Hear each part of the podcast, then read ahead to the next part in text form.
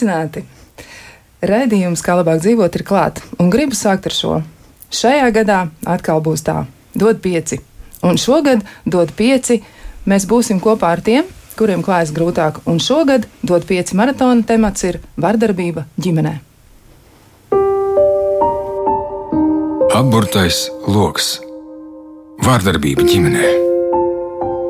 Pēta un analizē Latvijas radio sadarbībā ar pētnieciskā žurnālistikas centru Rebaltika. Jā, mēs esam nolēmuši par to runāt arī šodien, un pie mums ir Rūta Dimanta. Eh, labrīt, sveicināta. Labrīt. Eh, un Rūta Dimanta, jūs noteikti arī zinat, kas viņa ir. Viņa ir Ziedot LV vadītāja, un eh, vēl arī ir tā, ka viņa šobrīd veido krīzes palīdzības fondu, un mēs par to noteikti arī mēģināsim šodien runāt. Vēl esam aicinājuši arī studijā Raivo Vilcānu, biedrības skalbas atbalsta tālruņu noziegumos cietušajiem vadītāju. Sveicināti! Sveicināti! Un vēl arī mēs esam sazvanījušies ar Ilzi Vēberi, kur ir Rebaltika žurnālisti, un viņa arī ir klāta ar mums, tā teikt, virtuālajā veidā. Sveicināti! Labdien! Jā, e, mēs tātad gribētu apspriest šo tematu, ko ir uzņēmušies e, sīkāk analizēt un arī e, popularizēt tādā nu, palīdzības sniegšanas veidā, un vairāk par to gribētu runāt mūsu kolēģi mm -hmm. no tā teikt, šīs pašas mājas, un tie būs dot pieci cilvēki. Un eh, temats eh, šogad, jā, tā ir vardarbība ģimenē. Eh, es gribētu jautāt Ilzai Vēbrē, jo jūs arī esat iesaistījusies šajā pētniecībā, tā teikt, un kas ir tas, ko jūs varētu teikt? Kāpēc? Kāpēc tas ir tik aktuāli un kāpēc mums vajadzētu šogad pievērsties um, vardarbības tematam? Jā, pirmkārt, gribētu teikt, ka tas ir būtiski, tāpēc, ka šī problēma ir ļoti izplatīta, taču par to ļoti maz runā. Un um, tie, kuri saņemās runāt, tie nereti saņem diezgan klāju nosodījumu no sabiedrības. Uh, upuri tiek vainoti, parādās tādi teksti, ka viena pagala nedeg, droši vien pati izprovocēja, nav ko precēties, kāpēc neiet prom. Un, uh, mūsu sērijas mērķis ir um, par to stāstīt un, un uh, atpazīt pirmkārt arī vardarbību, kas tā ir. Un, um, parādīt ar ko stāst, kur meklēt palīdzību un uh, panākt, ka šis nav tabū temats un par to ir jārunā un jāizgaismo gan kļūdas sistēmā, gan arī sabiedrības uztveres um, jā, lietas. Ja jums būtu jāmēģina raksturot, jūs pieminējāt arī kļūdas sistēmā. Kāds ir jūsu viedoklis šobrīd veicot pētniecību? Jūs esat noteikti apkopojuši datus un esat kaut ko secinājuši. Kas jūsuprāt ir vājākās vietas? Jo viena ir sabiedrības attieksme, jā, arī tas, ko jūs minējāt, ka mēs mēdzam reizēm pagriezt galvu uz otru pusi un izlikties, ka mēs neredzam. Kā jums izskatās, kur ir mhm. lielākā problēma? Uh, lielākā pamat problēma ir tā, ka upurim, kurš ir saņēmies aiziet no vardarbīgām attiecībām, ir pašam jāzina, ko darīt, pie kā iet, kādus iesniegumus rakstīt, kur vērsties tiesā. Nav tādas, uh, ir, ir, uh, ir, nav, nav tādas uh, institūcijas vai, vai, vai uh, cilvēks, kas, piemēram, aiz rokas izved pa visām iestādēm un, uh, un pasaka, ka tev jādara šis, tev jādara tas, tev jādara šis. Jābūt ļoti lielam spēkam un gribas spēkam to izdarīt. Lai, lai saņemtu palīdzību. Un tā ir, tā ir liela problēma. Un, uh, jā, Mēs arī esam rakstījuši par daudzām, par daudzām, daudzām citām uh, likumiskām kļūmēm vai robiem. Piemēram, uh, panācām to, ka pieņem anketu, kas liek sociālajiem dienestiem un policijai apmainīties ar informāciju par ģimenēm, kur bijuši izsaukumi vardarbības dēļ. Un, uh, šis bija mokošs, garš process, kamēr šo anketu pieņēma. Tam vajadzēja vairāk nekā gadu, bet tagad tas ir izdarīts. Un, jā, šādas nelielas lietas, bet uh, tomēr ir diezgan nozīmīgs šajā visā kopējā problēmā. Jā, ir arī tā, ka kolēģi, kolēģi tā teikt, nu, darbības jomā, jūs kolēģi, gan Rūta Dimanta, gan arī Raivo Vilcāns māja ir galva un, un izskatās, ka viņiem ir ko piebilst eh, arī par to, ka nav īsti skaidrs, kur vērsties un nav informācija. It kā liekas, ka tas ir viss nu, pieejami un it kā ir tik daudz, bet izrādās, ka tomēr nē. Uh, jā, uh, ir tieši raksturīgi tas, ka diemžēl ļoti bieži uh, ja runa ir par vardarbību, tad up, teiksim, upura glābšanās, respektīvi, kā teiciens, slīcēja glābšana paša slīcēja rokās. Diemžēl ļoti bieži šāda situācija ir sastopama, ka cilvēks ir cietis vardarbībā un, un vēršoties tiesību sargājušās instancēs, var pat tikt pieņemta lēmuma, piešķirt pagaidu tiesiskā aizsardzība vai var aizvest varmāku, bet jāņem vērā, ka ar vienu tādu iejaukšanos nepietiek. Tas ir visai garš ceļš, kā atbrīvoties no vardarbības, un bieži vien šajā ceļā cilvēkam nav teiksim, tā līdzgaitnieku, kas viņu varētu, kā arī uzsvēra Ilze. Un, Jāņem vēl vērā, ka cietušajiem var ģimenes vardarbībā uzgājuši ļoti liels blāķis virsū. Saprotiet, cilvēks ir pieņēmis beidzot to lēmumu, pārtraukt vardarbību. Viņš ir uh, cietis fiziskā vardarbībā, emocionālā. Viņš jau tajā momentā, kad vēlās uzsākt šo procesu, jau ir psiholoģiski vājākā stāvoklī. Un papildus tam ja mēs runājam par ģimenes vardarbības pārtraukšanu, tad uzreiz uzgāžās liels, kur es dzīvošu, kā es ēdīšu, kas notiks ar bērniem.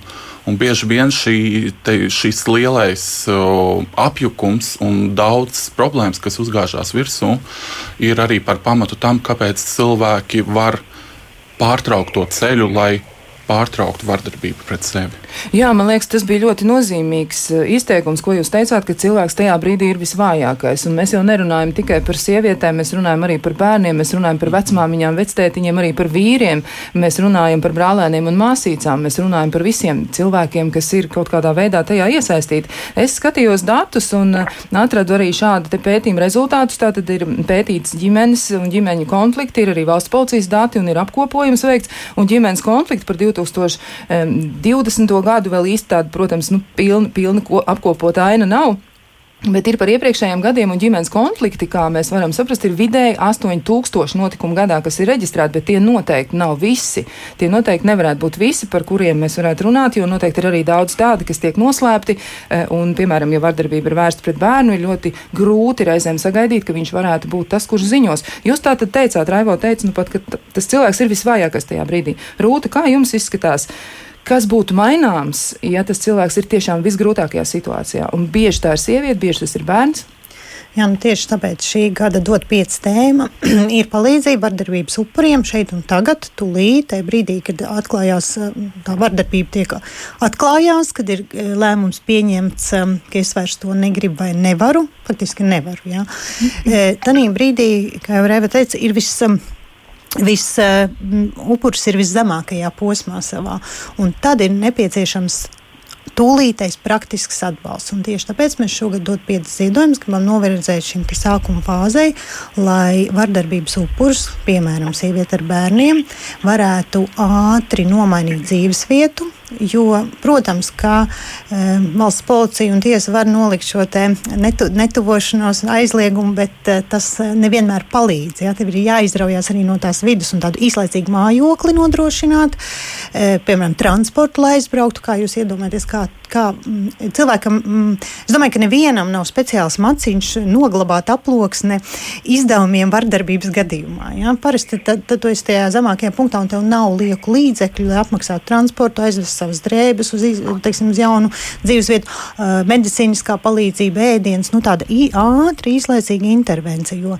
protams, ir dažādi, citi, dažādi pakalpojumi, kas tālāk, ka cilvēks ir gatavs jau strādāt ar sevi psiholoģiskā palīdzība, juridiskā, tas nāk tālāk. Bet tajā pirmā brīdī tiešām nav neviena, kas var ātri pieņemt lēmumu un iedot praktisku palīdzību. Tieši tāpēc mēs gribam dot pieci maratona laikā, tātad 5 eiro par katru e, dziesmu, e, savākt tādam palīdzības fondam vai izla, izlaušanās maciņam, no kura tad mēs varētu upuriem piešķirt eh, līdzekļus praktiskai palīdzībai.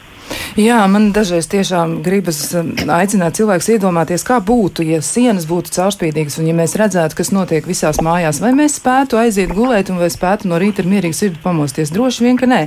Ir vēl kādi dati, kas mani mulsina. Ja mēs ņemam vērā šos 8000 notikumu gadā, kas tiek reģistrēti kā ģimenes konflikti, tad uh, valsts policijas dati ir tādi, ka vidēji 700 gadījumos tikai tiek pieņemts uh, policijas lēmums par nošķiršanu. Tas nozīmē, ka policija tātad izdara to savu darbu, bet kas tur vēl ir nepieciešams, lai tas tiešām tiktu izdarīts? Eh, kāda ir Ilzas Vēbers novērojuma par to, kā tas notiek un eh, kur varētu būt tā nu, problēmas sakne, varbūt, vai tiešām cilvēkiem nav spēka paziņot par to, ka ir grūti? Kā tad īsti ir? Kā jums izskatās?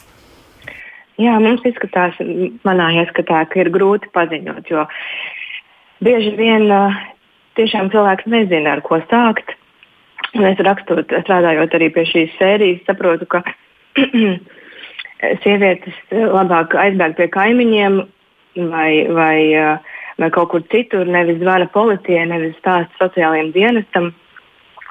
Grūti teikt, nu jā, šī, šī problēma ir, ir dziļa un, un upuris ir par sevi nepārliecināts. Un, un, un droši vien ir neticība, ka kaut ko var panākt, zvanot policijai vai sociālajiem dienestam. Un, tā tas, tā tas iet uz apli un līdz, līdz jā, vai, vai nu ir letāls iznākums, vai arī tiešām sieviete ir notiek brīnums un saņemās un aiziet. Jā, bet tas būtu par sievieti, kurai noteikti nav viegli, un arī par sievieti un bērniem. Bet kā ir, piemēram, par bērniem? Bērniem pašiem, pret kuriem tiek vērsta emocionāla, fiziska vai kāda cita veida vardarbība, arī seksuāla vardarbība, ko reizēm šī pati sieviete, kas ir tik ļoti nogurusi no visu, viņa reizēm arī to var slēpt, jo viņa nav spējīga pateikt uh, to, kas patiesībā notiek pati sev vai kādam citam cilvēkam. Un šo jautājumu es gribētu adresēt arī Raivo vilcānam jums noteikti ir nu, zvanījuši cilvēki un zvanījušas gan sievietes, gan arī bērni noteikti. Kā jūs um, saskatāt šo palīdzības eh, sniegšanu, kas būtu pats pirmais, par ko cilvēkam būtu vērts domāt tajā brīdī, kas viņam varētu palīdzēt, jo tas ir tiešām visgrūtākais brīdis iespējams dzīvē? Uh, jā. Tieši par to, kas varētu palīdzēt, ir ļoti svarīgi pirmkārt stabilizēt to psiholoģisko stāvokli. Jo cilvēks bieži vien atbalsta tālruņa cietušiem, kur, mē, kurš, kur mēs administrējam, ir tā pirmā vieta, kur cilvēks apņem, teiksim, tā uzdrošinās piezvanīt un pastāstīt, ka, viņam, ka viņš cieš no vardarbības. Bet, Jāsaprot, ir tas, ka, ja mēs skatāmies uz vardarbību kopumā, diemžēl tā ir ļoti augsta manipulatīvā daļa.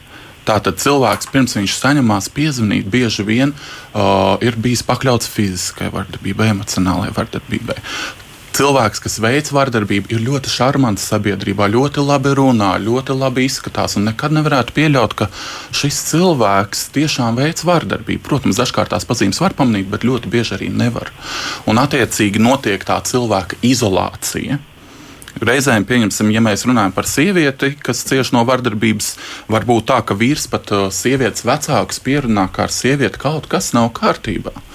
Un, uh, un tieši tādā veidā, teiksim tā, uh, cilvēkam nav neviena resursa, ir atņemta bankas karte, finanšu līdzekļi, nav kam pazvanīt, nav ar kaimiņiem arī slikts attiecības un attiecīgi ir ļoti svarīgi, ka ir kaut viens resurs, un šis ir jautājums arī sabiedrībai, jo arī mēs kā sabiedrība varam būt ļoti teiksim, atbalstoši tajā, ka mēs neignorējam problēmu.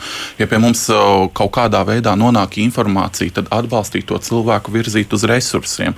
Protams, ir arī jautājums par citiem resursiem, ja ir krīžu centri vai ir kādas draudzenes. Jo nevienmēr, diemžēl, diemžēl mums ir problēma, ka mums šo pakalpojumu ir um, atbalsta pakalpojumu liela fragmentācija. Un, attiecīgi, dažkārt uh, situācijās, kur pārklājas vienas iestādes kompetence un otras iestādes kompetence, uh, tur pa vidu paliek cilvēks, kur kur viņš uh, nevar rēsties ne pie viena, ne pie otra. Un tieši tādēļ ir ļoti svarīgi meklēt atbalstu. Un viens no veidiem, protams, ir tas atbalsts tālrunis cietušajiem, kur var zvanīt. Mēs esam informēti par pakalpojumiem, sniedzam psiholoģisko atbalstu. Protams, meklēt arī līdzcilvēku atbalstu.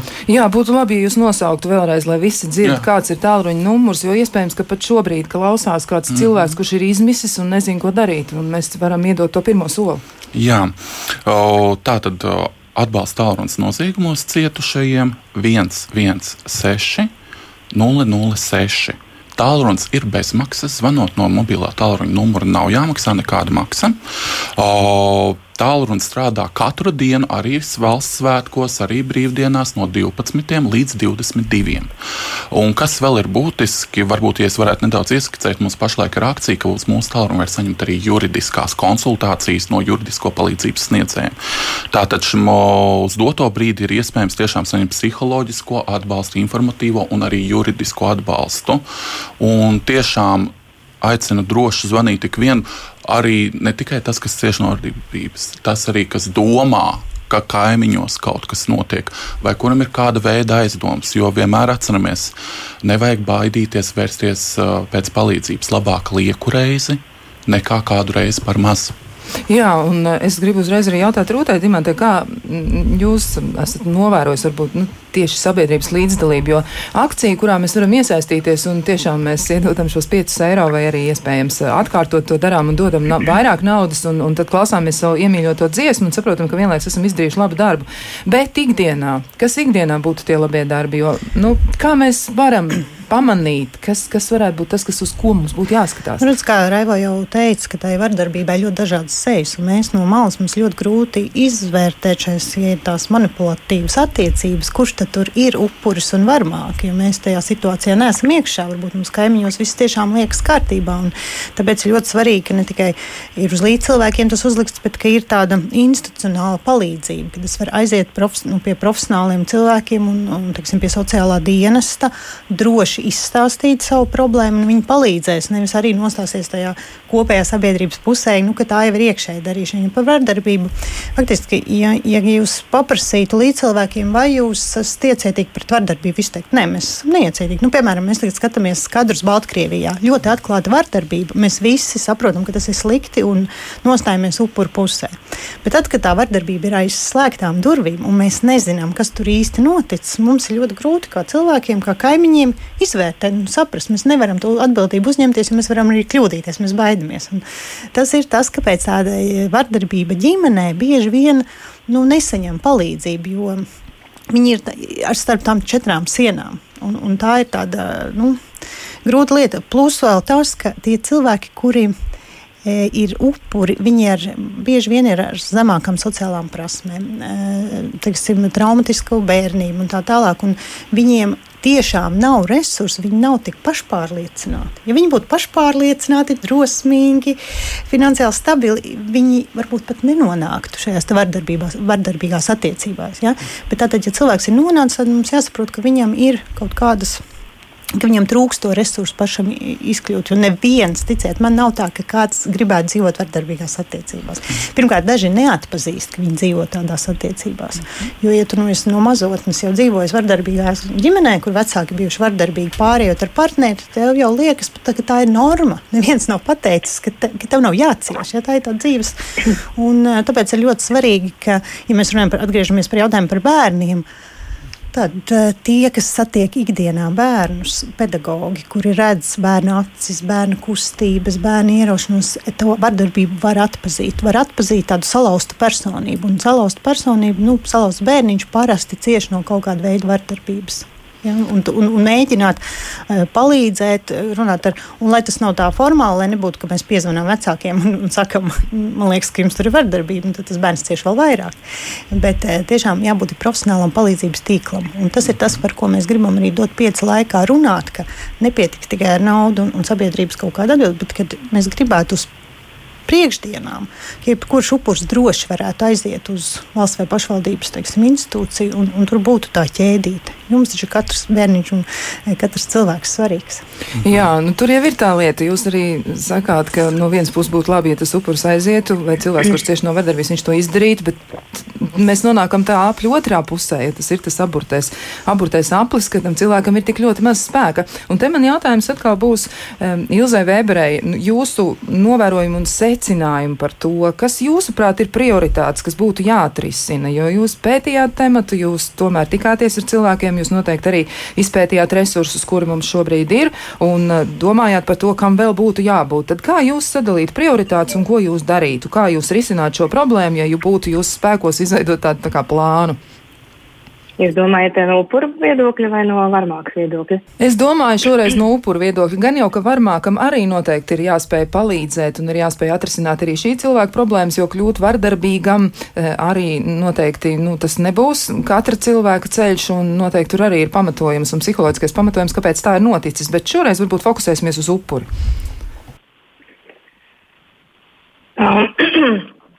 Nu, tad, ko mēs uh, Rūta jau ļoti labi ieskicēja, kādam būtu tam jābūt šim, šim atbalsta mehānismam.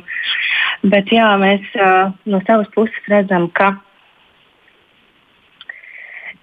ir, um, ir ļoti liela stigma arī šiem upuriem. Un, piemēram, īpaši, ja cilvēks dzīvo mazā pilsētā, tad um, šim upurim šķiet, ka uh, visi uzzinās pilsētā, nosodīs, neticēs un tā. Un, um, būtu jābūt šai pārliecībai, ka tam, ka cilvēks ir saņēmies un aizgājis uzticēties sociālajiem dienestam vai, vai bāriņtiesai, ka šī informācija tiešām paliek tur, kur tai ir jāpaliek. Un, uh, tie cilvēki, uh, kuriem tas nebūtu jāuzzina, varbūt uh, varmāk vai kā neuzzinās, ka uh, upuris ir aizgājis pēc palīdzības. Šī tā, šī ir uh, mazām pilsētām problēma, par ko mēs rakstījām šovasar, par uh, ļoti smagu gadījumu, kur uh, Sievietei bija bail vērsties pēc palīdzības tieši šī iemesla dēļ, un tāpēc uh, problēma īsti netika risināta. Jā, un varbūt ir kas vēl, kas jums nāk prātā, ko vajadzētu risināt. Viena lieta tā tad informācijas drošība, ka cilvēks, kurš vēršas, viņš ir pilnīgi pārliecināts par to, ka tas nekādā veidā netiks uh, izplatīts, nu, nezinu, nu, tā neprofesionāli, jā, vai arī tas neapdraudēs tālāko procesu un, un uh, viņa drošības nu, pasākumu nodrošināšanu. Kas vēl, jūsuprāt, būtu? Varbūt sabiedrībai kaut kādā veidā būtu jāmaina attieksme, jo izskatās, ka tam ir arī tādas socioloģiskas saknes, ka varmāk tiek aizstāvēts vairāk un upurs tiek vainots pie tā, ka viņš ir šajā situācijā Jā. nonācis. Ko jūs teiktu arī par to? Jā, protams, arī sabiedrībai būtu jāmaina savs redzējums, kas uh, tiešām uh, arī šajā gadījumā, ko es jau minēju par, uh, par, pēc, par rakstu, ko mēs šovasar rakstījām, arī pēc. Arī šajā gadījumā sieviete sastapās ar to, ka pilsētas uh, iedzīvotāji uh, aizstāvēja vīrieti, teica, ka viņš ir labs cilvēks un ka varbūt viņa pati vainīga. Un, uh, tas, uh, tas ir ļoti smagi cilvēkam par to runāt, ja tu apzinājies, ka pretī dabūs nevis atbalstošu attieksmi, bet gan uh, nosodījumu un vēl uh, aizstāvību šim cilvēkam, kurš ir darīt pāri. Un to mēs arī redzam mūsu pie, pie komentāros, pie mūsu rakstiem, kur cilvēks saka, ka jā, šī jau, šī jau ir, nav jau nekāda problēma. Tā jau ir viena pagala nedēļa, jā, šis ļoti spilgtītais izteikums. Un um, nevajag provocēt, un, un ka, kāpēc mēs te sarīdām vīrieši pret sievietēm, un, un ne jau tikai sievietes cieši, protams, arī vīrieši cieši. Bet šī, šī, šī noraidošā attieksme vienmēr parādās, ka, ka šis jau nav, šī jau nav nekāda problēma. Es jā, teiktu arī, ka jūs drīkstat, ka tā stig, stigma upurim, ka viņš klausās to, ka viena pagala nedeg un, un tā tālāk. Viņam arī liekas, ka jā, es esmu vainīga. Es tiešām esmu pat vainīga par to, ka, ka tā notiek. Ja, un, un to vainas sajūtu iedzenot, un tu mm, upuris sāk tiešām domāt, ka tā ir viņa atbildība, ka notiek vardarbība, kas tā nav. Un vēl viena lieta, varbūt ļoti nepopulāra, bet es teikšu, ka varmāks arī ir ļoti nelaimīgi cilvēki.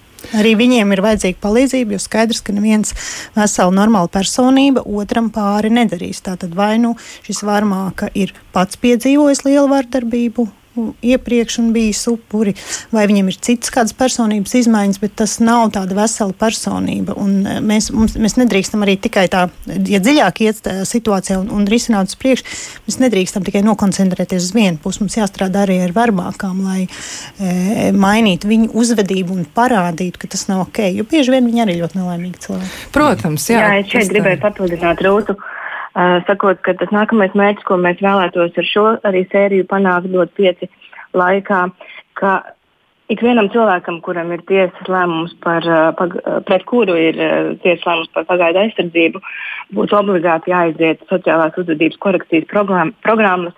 Tās ir dusmu menedžmenta, savstarpēju attiecību veidošanas programmas, kurās māca, kā šiem vardarbības veicējiem sevi kontrolēt. Un, um, un, un šie programmas īstenotāji uzskata, ka tas varētu būt viens veids, kā, kā šo problēmu risināt, parādot varmākam vai vardarbības veicējiem, ka nevienmēr, ka ir arī citi veidi, kā risināt problēmas, ka tā obligāti nav vienmēr kliekšana vai roku pacelšana. Un arī tas, ko šo programmu vadītāji apgalvo, ka viņi ir novērojuši, ka lielākā daļa no cilvēkiem, kas jau pašreizējās programmās piedalās, paši ir tiešām cietuši vai nu bērnībā, vai iepriekš no vardarbības. Jā, par to, kādā veidā tad eh, var to risināt, mēs noteikti, noteikti turpināsim sarunu, bet tagad kādu brīdi mums ir jāatvelk elpa, un noteikti varu arī uzreiz teikt lielu paldies Ilzai Vēberei, un mēs arī sekosim līdzi jūsu darbam, kā jums veicas ar tematu atspoguļošanu un ar to, kā tad eh, izpēta noslēgsies un kas būs jūsu secinājumi. Bet pagaidām es no jums atvedos, bet pārējiem diviem studijas viesiem saku, jā, mēs mazliet atvelkam elpu, un tad tiekamies pēc brīža. Kā labāk dzīvot? Esam atpakaļ studijā un turpinām sarunu par vardarbību. Šī gada maratona dod pieci temats, eh, kurš tiek aktualizēts, ir vardarbība. Vardarbība ģimenē, un ir skaidrs, ka vardarbība ģimenē tas nav tikai par vardarbību ģimenē, un tā nav tikai privāta lieta. Tas ir kas tāds, kas izposta dzīvi, kas izposta nākotnes izredzes, tas sakropļo cilvēkus. Un, eh, kā teica, tā teikt, aizkadrā Raivo Vilcāns, ka vardarbība ir pašatražojoša. Varbūt jūs varat šo domu mazliet sīkāk izskaidrot arī.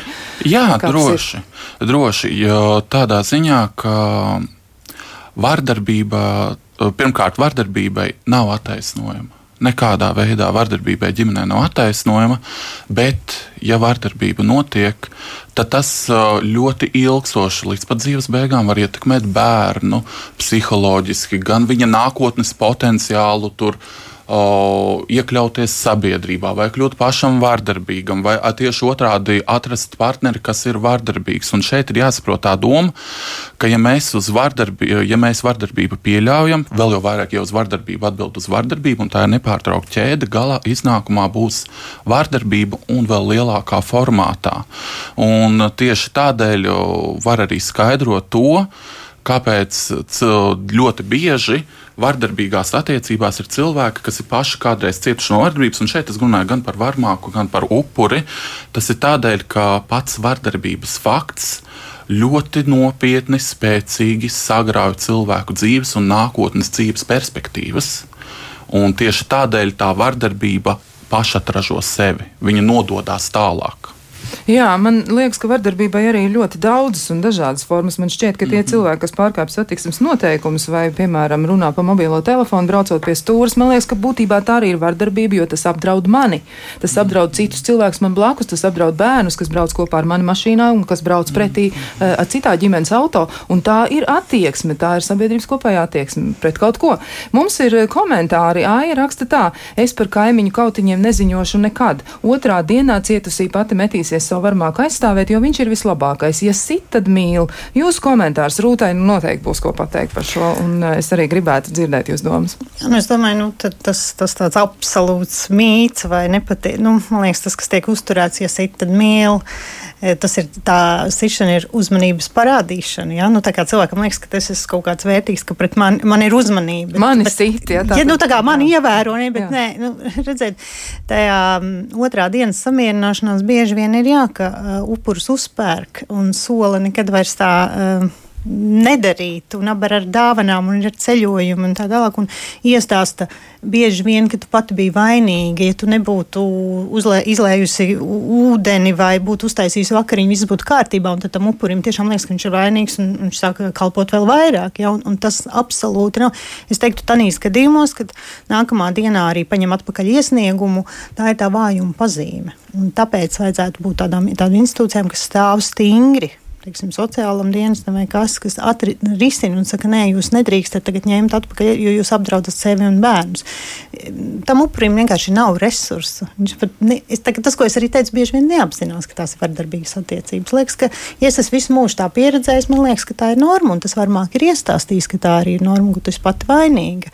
Bet vai mēs gribam, ka tie bērni to piedzīvo? Jā, varbūt mēs varam teikt, nu, divi pieauguši cilvēki darās kā grib, bet mēs ne, nekad nedrīkstam aizmirst par bērniem. Ja? jo viņi jau būs arī dzīvos mūsu, varbūt, eh, varbūt šī pati kaimiņienei, kaimiņienes dēls vai meita apprecēs šīs te otras kaimiņienes, jā, bērnu vai meitu, un, un tur būs atkal arī vardarbības attiecības. Nu, tā, tā nav tikai ģimenes lieta, tā ir visas sabiedrības lieta. Jā, jā, mums ir kāds klausītājs zvans, mēģināsim uzklausīt. Sveicināt, mēs klausāmies! Mēs klausāmies, jūs tur esat?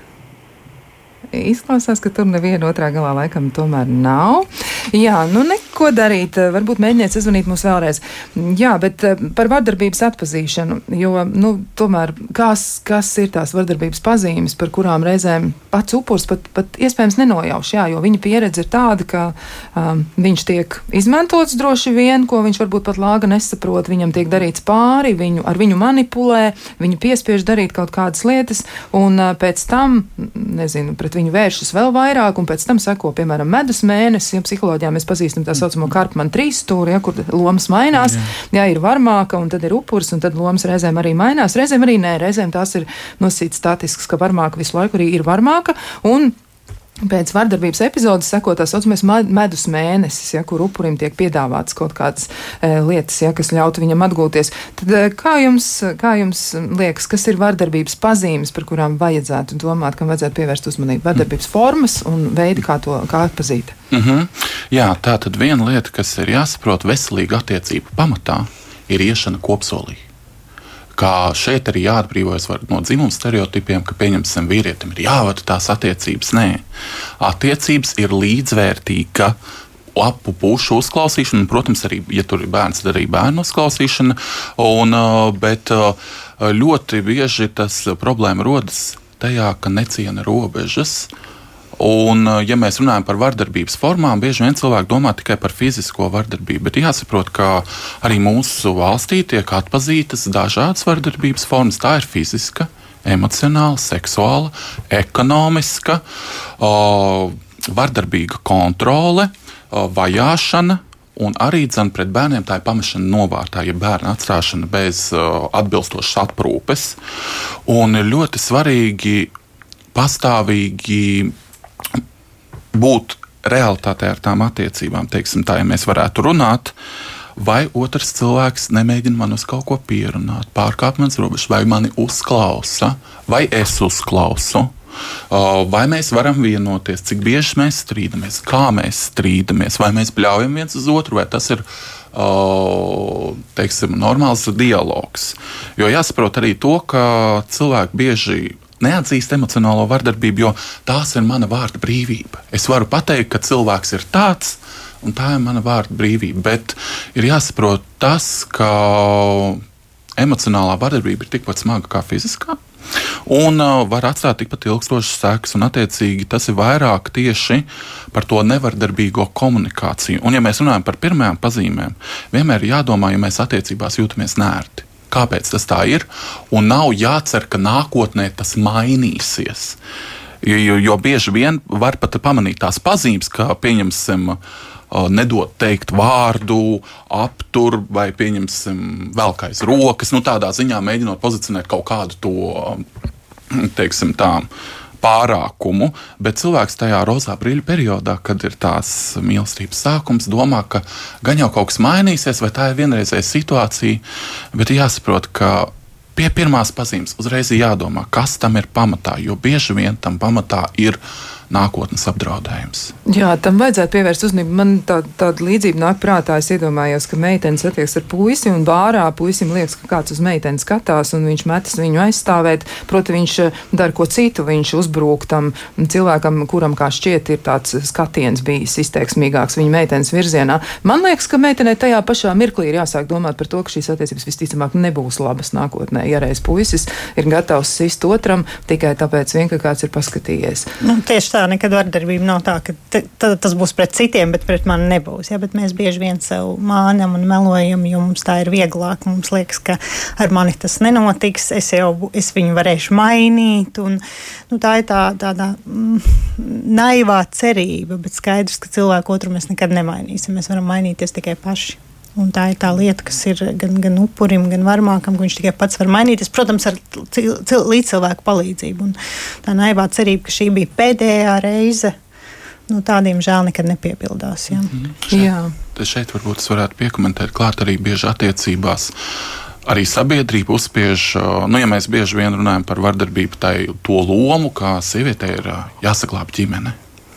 Un, un tieši tādā veidā bieži vien ir tā, tā naivā cerība, tiek, kā Rūta teica, pastiprināta ar to, ka es atradīšu metodi, es atradīšu veidu, kā tas mainīsies, un vardarbība ilgs gadiem. Un uh, sieviete visu laiku domā, ka man ir jāatrod kaut kāda metode, bet tas nav patiesi tādā ziņā, ka vardarbības problēma, vardarbības parādība attiecībās var labot tikai tad, ja, ab, ja arī varmāk to vēlās, ja viņš to nevēlas, nav tajā jāiegūt laiks. Jā, tas ir ļoti vērtīgs padoms. Ir kāds klausītājs zvans? Sveicināti, mēs klausāmies! Nē tomēr mums īsti neveicas ar tiem sakariem šoreiz. Jā, bet um, man gribētos arī jautāt par stereotipiem. Um, apgalvojums, ja sit, tad mīl. Um, es domāju, ka tas nāk no seniem laikiem, kad draustais bizēm iedunkā, tad tas nozīmē, ka persona patīk un tādā veidā pievērš uzmanību un tā tas attīstās turpmākajā dzīvē. Nu, tas ir tikai viens no bezgalīgi daudziem stereotipiskiem piemēriem. To ir pieminējis vēl Ozola mūsu klausītāji, kas tiešām ir ļoti aktīvi un komentē temats uh, ļoti dažādos virzienos. Un paldies viņai par šo. Es varētu teikt, ka kaut kādā vecuma posmā tā, tā, tā uzmanības parādīšana notiek caur pieskārieniem, biežu raustīšanu, bet mēs nedrīkstam ieslēgt tajā, ies, atstāt, palikt tajā trešās klases līmenī, kad uzmanību turpmākajā dzīvē. Jā, teiksim, maziņš bērniņš ar, ka piedzims, viņš jau neverbāli daudz ko saka, bet mēs nedrīkstam kā pieaugušie palikt tajā. Jā, izskatās, ka ir klausītājs, mēs mēģināsim vēlreiz. Sveicināti! Nu, nesanāk mums nekādi. Nu, jā. Nu, jā. Ja es varētu piebilst, mm. Rūtē arī dzen, tā ir arī teiksim, tā problēma arī izglītībā. Ja mēs varētu teikt, uh, ka jā, trešajā klasē parādās ar pieskārieniem tā. Uh, pieķeršanās izpausme, bet ir ļoti stingri jāmāca tas, kas ir robežas, ka nedrīkst pieskarties otram cilvēkam bez viņa atļaujas. Un ļoti daudz citu fundamentālu principu, kas veido cilvēka, teiksim, tādu uh, psiholoģiskās higiēnas noteikums, ka man, ja es tev neesmu ļāvis, man nepieskaries, vai, vai uz mani nebļauj. Nu, tādā ziņā, ka cilvēkam ir tiesības pārtraukt tās attiecības, jebkurā brīdī, kad viņš jūtas nērti. Un, diemžēl tas ir arī tas, kas mūsu skolā neparādās, lai arī būtu ļoti, ļoti svarīgi to mācīt. Man liekas, tas varētu būt atsevišķs temats, vardarbības atpazīšana un savu robežu noteikšana. Mm. Jā, jo nevis kaut kā tāda, nu, protams, arī cita veida psiholoģiska izglītība. Bērnu, bērnu vecumā svarīgi. ir ļoti labi tāda programma Dārdzē Džimbas skola. Jā, māca, jā, un, un ja mēs to bērniem varam iemācīt, bet, protams, ja mēs kā pieaugušie arī, piemēram, pedagogs eh, rādām ar savu darbību ko citu, tad nekādas mācības nu, nelīdzēs. Mums jābūt piemēram, jo bērni jau mācās no piemēra, nevis no teorijas. Ja, un, ja, ja skolotājs atļaujās kliegt uz bērnu, nu, viņam tas liekas jau normāli. Un, un mājās vēl kliedz. Ja, kā, e, nu, tad, tas ir saka, katra atbildība. Un, protams, mēs katrs savā dzīvē kaut kādās situācijās esam bijuši vardarbīgi. Vai nu klieguši uz kādu, jā, nolamā, nu, ir. Bet tā, tā robeža, manuprāt, un tas nenozīmē, ka mēs vairs par to nedrīkstam, tāpēc neviens runāt, bet mums ir robeža pašam jāsaprotas un jāmainās. Un, ja mēs paši atpazīstam sevī kaut kādas destruktīvas pazīmes, tad mums ir visas iespējas mainīties un tā vairs nedarīt. Ja? Nevis vienkārši reproducēt un teikt, nu tāds nu es esmu. Jā, jūs arī, es saprotu, ka jūs esat plānojuši arī krīzes palīdzības fonda, nu tā teikt, izmantojot krīzes palīdzības fondu, veidot atbalsta sistēmu, droši vien arī nākotnē tā varētu paplašināties. Vai ir padomā arī iekļaut ko tādu, kas varētu sniegt zināšanas, nu, piemēram, sievietēm, e, vai, vai sievietēm ar bērniem, vai arī vīriešiem noteikti dažos, dažos gadījumos, kā statistika rāda, retos gadījumos tomēr, ja jo vairāk no vardarbības cieši tieši bērni un sievietes sievietes. Eh, vai ir domāts par to, kā atpazīt, kā saprast? Jā, Šādas programmas trenēties. jau ir, un varbūt šī, šī gada maratons tiešām ir tādu praktisku palīdzību, tādu reālu, praktisku, finansiālu palīdzību vardarbības upuriem, bet tas nenozīmē, ka mēs nerunāsim par to, kā tai ideālai sistēmai ir jābūt. Un es arī gribētu, teiksim, nomierināt tos, kas saka, mēs tikai par uh, sievietēm, mēs arī par vīriešiem runājam. Ja vīrietis ģimenē jūtas, ka viņš ir uh, upuru lomā vardarbības, arī viņam ir jāiet prom mhm. un jāmeklē palīdzību. Tas nav tikai sievietes, uh, teiksim, lieta, jo varbūt ļoti ļoti dažādas. Un, bet es domāju, mūsu sabiedrībai vēl grūtāk būtu pieņemt, ja vīrietis aiziet uz sociālo dienestu un teikt, ka viņš ir vardarbīgās attiecībās un lūgt palīdzību. Es domāju, tas stereotips būtu mm. vēl briesmīgāks, un mēs paskatītos un domātu, nu, ko nu viņš runā vīrietim, jābūt tam stipram. Nu, tā tad pats atkal pats vainīgs. Ja? Nedrīkst stigmatizēt, un katrs gadījums eh, vardarbības ļoti, ļoti individuāls, ja? ļoti dažādas sejas. Tāpēc ir svarīgi vienkārši nu, sākumā cilvēkos, kas klausīties, ja kāds jums stāsta par savām attiecībām, tad viņš ir gatavs runāt, klausieties, un tad me palīdziet meklēt palīdzību, jo bieži vien arī uz tālruni piezvanīt ir ļoti grūti saņemties un uzspiestos. Ja? Vieglāk ir uzrakstīt vai draudzenei izstāstīt, tad ir ļoti svarīgi, ka tas cilvēks tevi sadzirdēs, kam tu esi uzticējies. Un, un pussolīti, teiksim, sarunā kaut ko, es tev palīdzēšu pāris naktis pie manis, bet tad tev kaut kas jādara. Nu, tāds mazs, mazs. Es vienmēr saku, tā, tā empātija ir ļoti svarīga un pamēģiniet nolikt sevi tajā brīdī, tā otra vietā, un kādu palīdzību jūs gribētu saņemt. Un tad jau, tad jau mēs zinām to pareizo atbildi, kad es gribētu drošu, plecu atbalstu, kas man teiksim, izved cauri kaut kādām krīzes situācijām. Nu, tad mēs tā varam rīkoties ar to empātiju, mēģināt iejusties.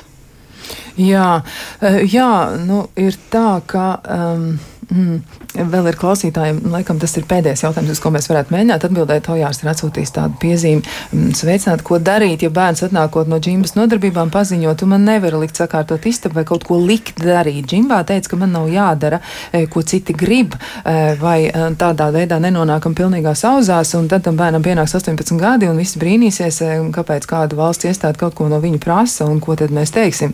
Nu, izskatās, ka tas ir Tas ir stāsts, kuram vajadzētu turpinājumam būt. Ja? Protams, turpinājumam, bet nu, ko es gribētu nomierināt arī klausītājus. Ļoti bieži izskan tas viedoklis, ka bērniem redz ir tikai tiesības. Nē, arī bērnu likumi paredz, ka ir arī pienākumi bērniem. Vienīgais, kas ir, kas ir grūtība, vecākiem kopumā trūks pozitīvās audzināšanas metožu. Un šeit varētu runāt, kā izmanto vardarbību, jo tā ir pazīstama metode, ja mēs atgriežamies pie vardarbības. Bet tikpat daudz ir pozitīvās audzināšanas metodas, kuru nolūks ir tiešām to vēlamo uzvedību, teiksim, tā iegūt. Nu, pozitīvo. Un arī tā, tam daudz tādas programmas tiek arī apgūtas uh, mācības par Eiropas naudām. Pieņemsim, vienu var minēt bērnu emocionāla audzināšana un tā tālāk. Jā, nu, es domāju, ka, ja es drīkstu par ģimenes skolu, nu skaidrs, ka jums ar savu bērnu ir jārunā. Ka tas, nav, ka, tie, ka tas nav tā domāts, ka tas domāts par tavu mm -hmm. ķermeni, tad tālāk, bet ka mājas pienākumi tie ir pienākumi. Tad, tad tam nav saka, nu, ja mēs tā ar bērniņu izrunājam, skaidrs, ka bērni jau arī e, gudri un attīstīti bērni, viņam arī mēģina manipulēt. Ja? Tas jau ļoti labi, ka viņš tā ir izdomājis. Tātad viņam ir šī spēja kaut kā pie, iegūtās zināšanas likt lietā, bet bērns nevienmēr viņas liek tieši nu, tajā pareizā lietā. Tas ir mūsu pieaugušo uzdevums uzdevums stāstīt. Jā, turpināt ģimenē to. Jā, mums ir jāturpina par to runāt, un jāturpina runāt ne tikai par eh, to, kā bērnam ir gājis džims skoliņā un ko viņš ir iemācījies un kā viņš to ir sapratis, bet jāturpina runāt arī par ļoti būtiskām lietām, kas attiecas uz mums visiem, proti par vardarbību. Šodien studijā mēs par šo tematu bijām aicinājuši runāt Raivo Vilcānu biedrības skābes atbalsta tālruņa noziegumos cietušiem vadītāju, un atgādināšu arī, ka tālrunis, uz kuru jūs varat zvanīt, kad jūsu situācija ir kļuvusi grūta vai jums gribas saņemt palīdzību, ir 116 006. Vēl pie mums bija Rūta Dimanta, Ziedot LV vadītāja, un vēl mēs sazvanījāmies arī ar Ilzi Vēberi. Jūs varat noteikti, klausoties raidījuma atkārtojumā, dzirdēt arī viņas viedokli par to visu. Bet jā, šogad dod pieci ir par vardarbību. Apburtais lokus - vārdarbība ģimenē. Pēta un analizē Latvijas radio sadarbībā ar Pētnieciskā žurnālistikas centru Rebaltika.